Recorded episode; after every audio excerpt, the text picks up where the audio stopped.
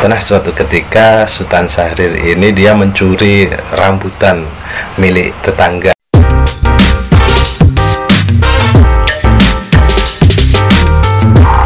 Halo pendengar setiap podcast di mana pun kalian berada Balik lagi bareng aku Romantun MK uh, Podcast tentang sejarah uh, Seri podcast kali ini aku mau ngebahas soal sosok Sultan Syahrir Nah mungkin bagi kalian yang masih baru dengar nama sosok Sultan Syahrir ini Tapi ya kebangetan lah kalau kalian masih baru pertama kali dengar uh, nama sosok Sultan Syahrir. Uh, Pasalnya ini adalah beliau adalah uh, tokoh revolusioner mantan perdana menteri pertama Indonesia yang dimiliki Indonesia sosok intelektual yang keren yang keren banget.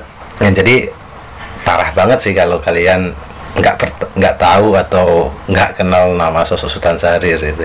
Nah, seri podcast kali ini ke depannya e, nanti rencana aku mau ngebahas ya secara bertahap lah ngebahas sosok Sultan Syahrir ini. Nah, di edisi kali ini aku ingin e, menginformasikan seperti apa sih masa kecil dari sosok Sultan Syahrir itu sendiri sebagai pahlawan nasional sekaligus tokoh revolusioner perintis kemerdekaan Republik Indonesia tentu sangat menarik sih kita melihat dari sisi lain atau masa kecilnya dari sosok Sultan Syahrir itu. Teman-teman pendengar podcast Tanya Sejarah Sultan Syahrir ini lahir di Padang Panjang Sumatera Barat tahun 1909 tepatnya pada tanggal 5 Maret itu. Ya, dia dia berasal dari keluarga uh, bangsawan terpandang lah di kota Agam begitu ya sebagai seorang keturunan Minangkabau sosok Sultan Syahrir ini memang sangat terpandang. Dia dari keluarga yang mapan bangsawan begitu. Baik dari dari kakeknya ayahnya begitu. Kakek dan ayahnya itu adalah seorang jaksa itu jaksa di pengadilan negeri lah begitu di masa Hindia Belanda ya teman-teman.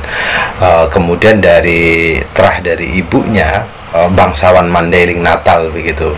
Jadi uh, kakeknya atau ibunya ayahnya ibunya Sultan Syahrir ini ya beliau itu adalah keturunan langsung lah dari tuan tuanku besar Sintan dari Natal begitu Nah, jadi secara nasab uh, baik dari bapak atau ibu uh, Sultan Syahrir ini dari orang yang sangat terpandang begitu. Tidak heran jika kemudian dalam dalam karir dalam karir politik atau pendidikan uh, Sultan Syahrir itu begitu moncer sehingga bisa menikmati berbagai pendidikan di dalam negeri maupun di luar negeri begitu. E, bapaknya Sultan Syahrir ini bernama Muhammad Rasad, sedangkan ibunya itu Siti Robiah. Ya, keduanya dari keluarga terpandang lah di Sumatera begitu. E, masa kecil Sultan Syahrir sendiri ini sebenarnya dihabiskan di banyak tempat sih. Jadi dia masa kecil itu berpindah-pindah dari satu tempat ke tempat yang lain. Nah, ini menyusul karena pekerjaan ayahnya yaitu Muhammad Rasad itu sebagai jaksa pengadilan negeri di masa Hindia Belanda yang ya sesuai dengan tugas tugas kenegaraan. Misalkan dia ditugasin untuk menjadi jaksa di Jambi dia akan pindah ke Jambi. Kemudian uh, ketika dia sang ayah ditugaskan menjadi jaksa di pengadilan negeri Medan kemudian dia juga pindah move ke Medan begitu. Jadi secara masa kecilnya dari Sultan Syahrir ini sendiri sebenarnya juga berpindah-pindah dikarenakan ya uh, kondisi pekerjaan ayahnya yang yang menuntut untuk berpindah-pindah begitu. Nah, tapi uh, seperti umumnya anak-anak kecil pada umumnya yang pernah bandel gitu, pernah badung gitu. nah, Sultan Syahrir ini juga juga pernah uh, membuat tindakan badung kan begitu. Pernah suatu ketika pernah suatu ketika Sultan Syahrir ini dia mencuri rambutan milik tetangga yaitu orang-orang keturunan Cina orang Cina lah gitu tetangga Cina. Diambil tuh rambutan sama teman-temannya sampai ta sama tangkai-tangkainya juga dibawa pulang kemudian diumpetin di bawah uh, kamar tidur. Tapi sayang naas lah bagi dia. Uh, aksinya itu kemudian dipergoki oleh ayahnya begitu uh, akibat karena kebergok telah melakukan pencurian begitu mencuri uh, buah rambutan bukan ya milik orang lain ya, akhirnya ayahnya ini berang lah. Uh, si Sultan Syahrir ini akhirnya dihukum. Dihukum kemudian dilarang bermain sama teman-temannya yaitu akibat konsekuensi dari ulah bandel dia.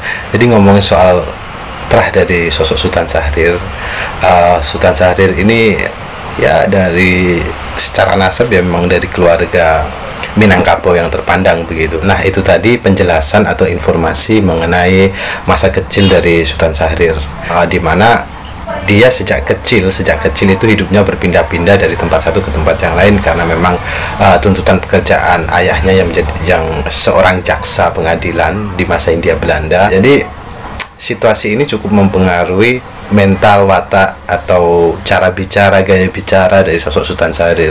Khususnya ketika dia ketika di Medan kan cukup sosio sosiokultur di Medan cukup mempengaruhi cara bicara dari sosok Sultan Syahrir itu sendiri. Dari sejak kecil itu Sultan Syahrir itu tidak pernah menggunakan bahasa, bahkan jarang tidak pernah lah tidak pernah menggunakan bahasa ibunya yaitu dari bahasa uh, Sumatera gitu.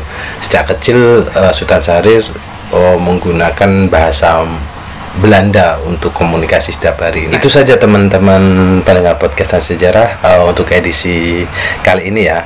Uh, ke depan nanti aku akan ngebahas lagi soal masih tentang masih tentang Sultan Syahrir tapi uh, aku akan ngebahas bagaimana sih pengembaraan intelektual awal mula dia menempuh pendidikan sampai kemudian ya, dia bisa kuliah ke luar negeri dan menjadi sosok Sultan Syahrir yang mendapat predikat sebagai bung kecil mendapat predikat bung kecil tapi sekalipun predikat bung kecil tapi nyalinya tidak sekecil postur tubuhnya begitu. Dia memiliki nyali yang luar biasa besar sangat keren sangat menginspirasi. Nah itu akan aku bahas di episode berikutnya. Nah uh, untuk episode kali ini saya cukup sudahi di sini. Sampai ketemu di seri podcast selanjutnya. See you bye bye